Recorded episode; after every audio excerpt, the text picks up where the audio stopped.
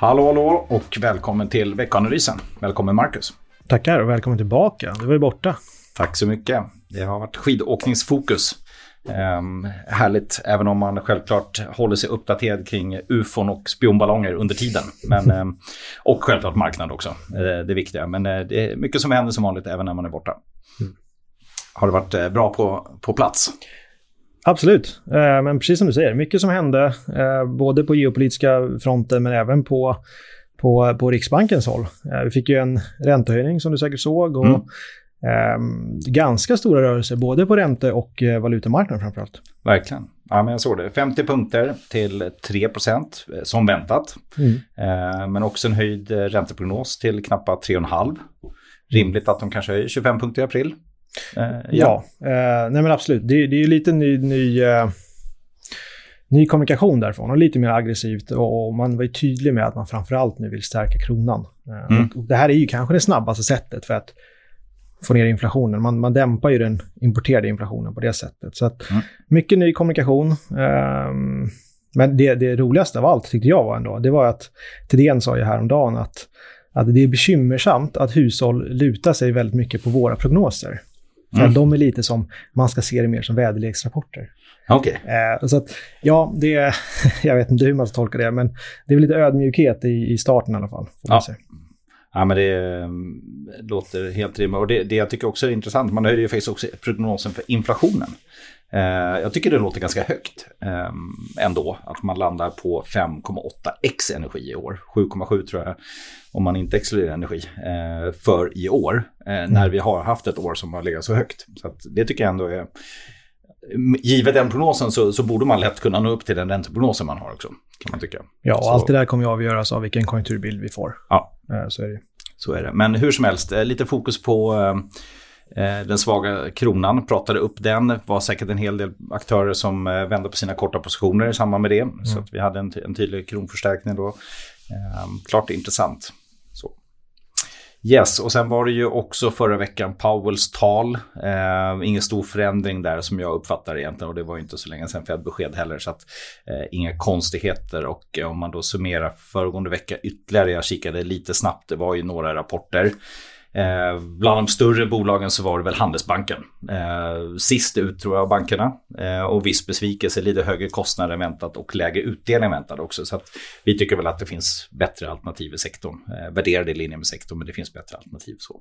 Eh, och det var väl egentligen det som, som var i fokus, förutom de här små ufona då som dyker upp eh, här och där. Och det vet jag inte vad man ska tro om riktigt. Men, eh.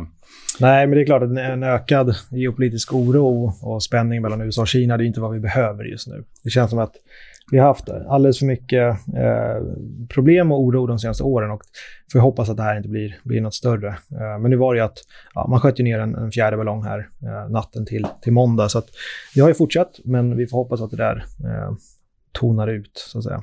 Ja. Um, precis så. Men du, om vi kikar lite grann den här veckan då, vad som avgör humöret. Inflationssiffror från USA. Ja, ja det, det är den som är kanske den viktigaste datapunkten för marknaden och det här är något vi tjatar om varenda gång känns som och det blir ju tröttsamt i längden. Men vi har ju hamnat i ett läge där det här är så otroligt viktigt, både för hushåll, konjunktur, men också för, för börser och bolag såklart. Vi får det eh, tisdag, alltså eh, imorgon, vi spelar in det här måndag. Väntat är ju, vi hade ju förra, veck, eh, förra månaden så headline-inflationen, alltså allt inkluderat, landade på 6,5 procent eh, i årstakt och väntas komma ner till 6,2. Mm. Och eh, exklusive då, eller om man tittar på kärn-KPI då, så väntas ju den då stiga från 5-7 till, jag vet inte exakt vad, men lite grann. Eh, så att, ja, en, en tydlig viktig siffra, men vill förhoppningsvis se i alla fall att trenden är fortsatt ner från de höga talen vi har haft. Då.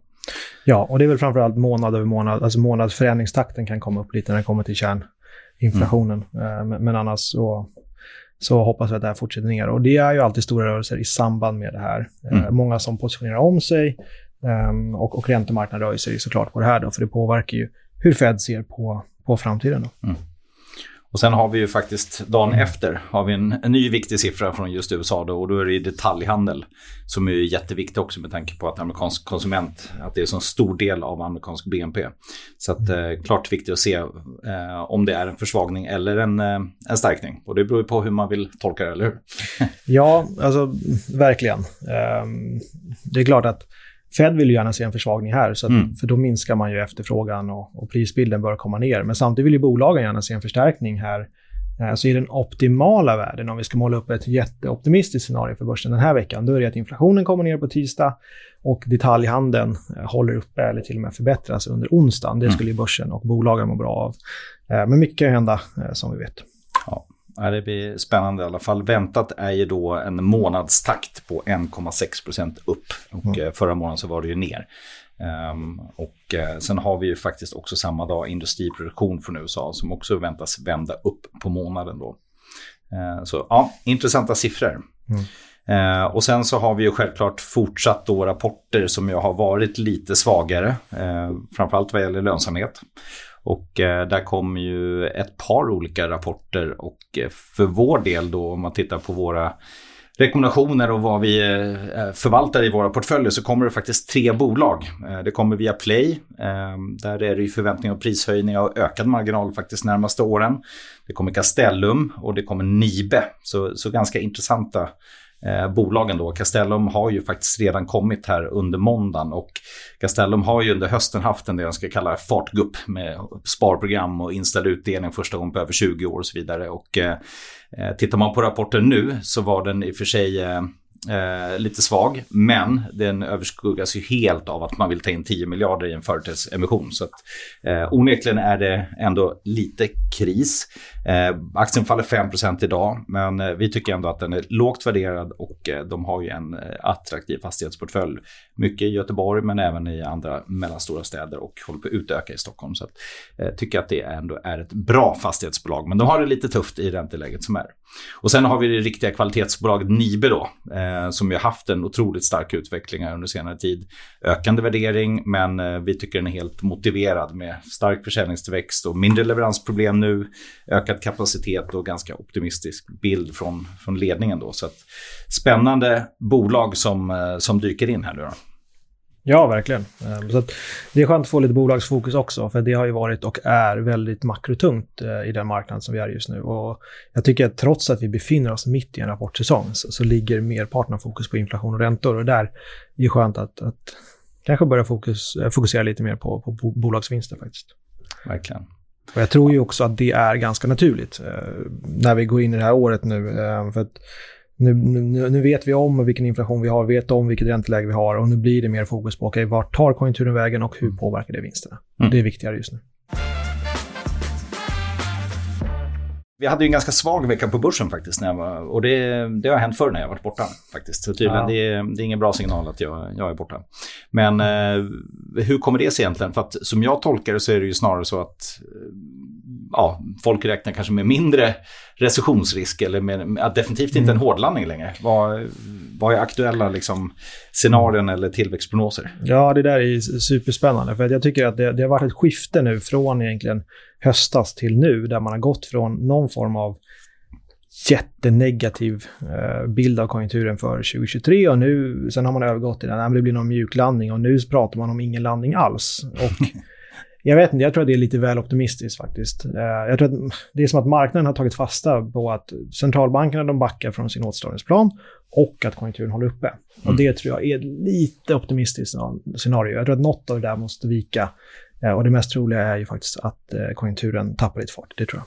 Ja, men det är ju bara att titta på, alltså jag tycker det är väldigt tydligt oavsett om man tittar i Sverige eller på andra ställen, så inte minst i USA då, hushållen pressas ju ordentligt nu av räntehöjningar, mm. av energipriser, av allt möjligt. Och jag menar i USA till exempel, eh, tittar du på befintlig hemförsäljning, allt sånt viker ju mm. ordentligt. Mm. Så att självklart så, så känns en, en nedgång i konjunkturen mer än idag oundviklig. Mm. Eh, sen är det ju frågan hur hårt blir det och hur snabbt kommer man ur det?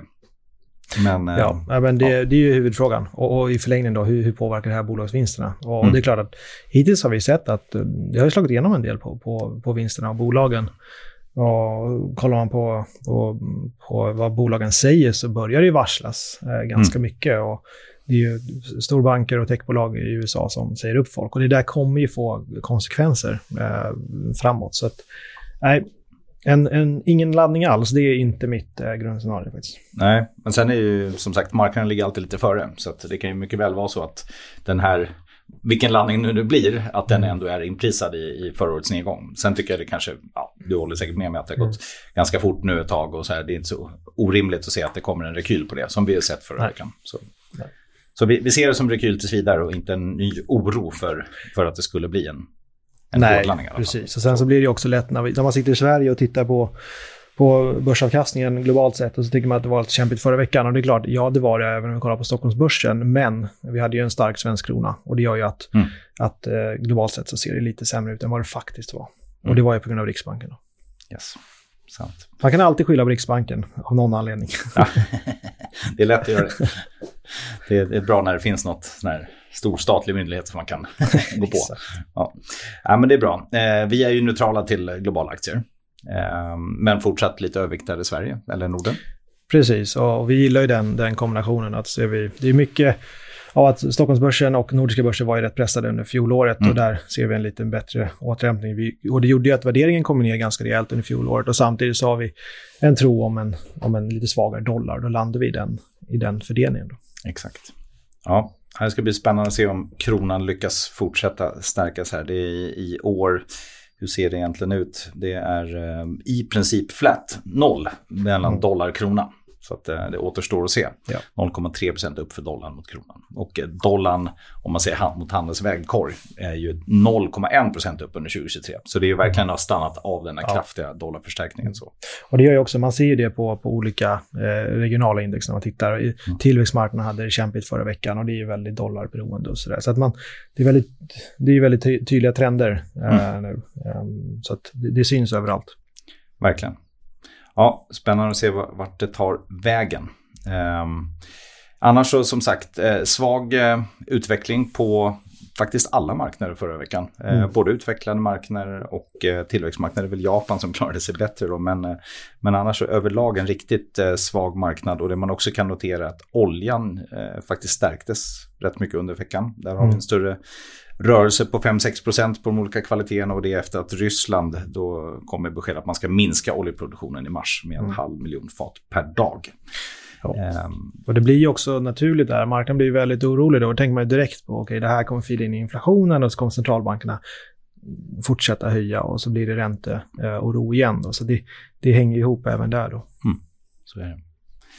Har vi några fler saker? Vi har ju lite mer makrodata självklart som kommer. Det kommer preliminära BNP-siffror för ehm, eh, EMU. Eh, det kommer eh, producentprisindex i USA. Phil Fed-index kommer mm. på torsdag. Eh, väntas bli något, något bättre än tidigare men inte bra. Ehm, så att, ja, som vanligt så, så kommer en del, en del, data då som är intressant. Även eh, när vi pratade bostadsmarknad för kort eller amerikansk hemförsäljning så kommer det här NAHB, det här bygga, byggarsentimentsindex eh, i USA som väntas förbättras lite faktiskt denna gång. Mm.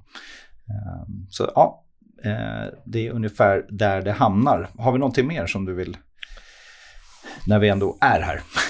Nej, men jag tycker vi har täckt in ganska mycket. Um, väntar vi en vecka till så får vi svensk inflation och det är, det är alltid spännande. Ja, verkligen. Ja, det blir väldigt intressant att se hur, inte minst för Riksbanken framöver. Mm. Men vi får fokusera på den här veckan och, och vänta tills nästa innan vi går in på den. Yes. Utmärkt. Men du, då säger vi så så länge. Så, tackar för oss. Tack så mycket.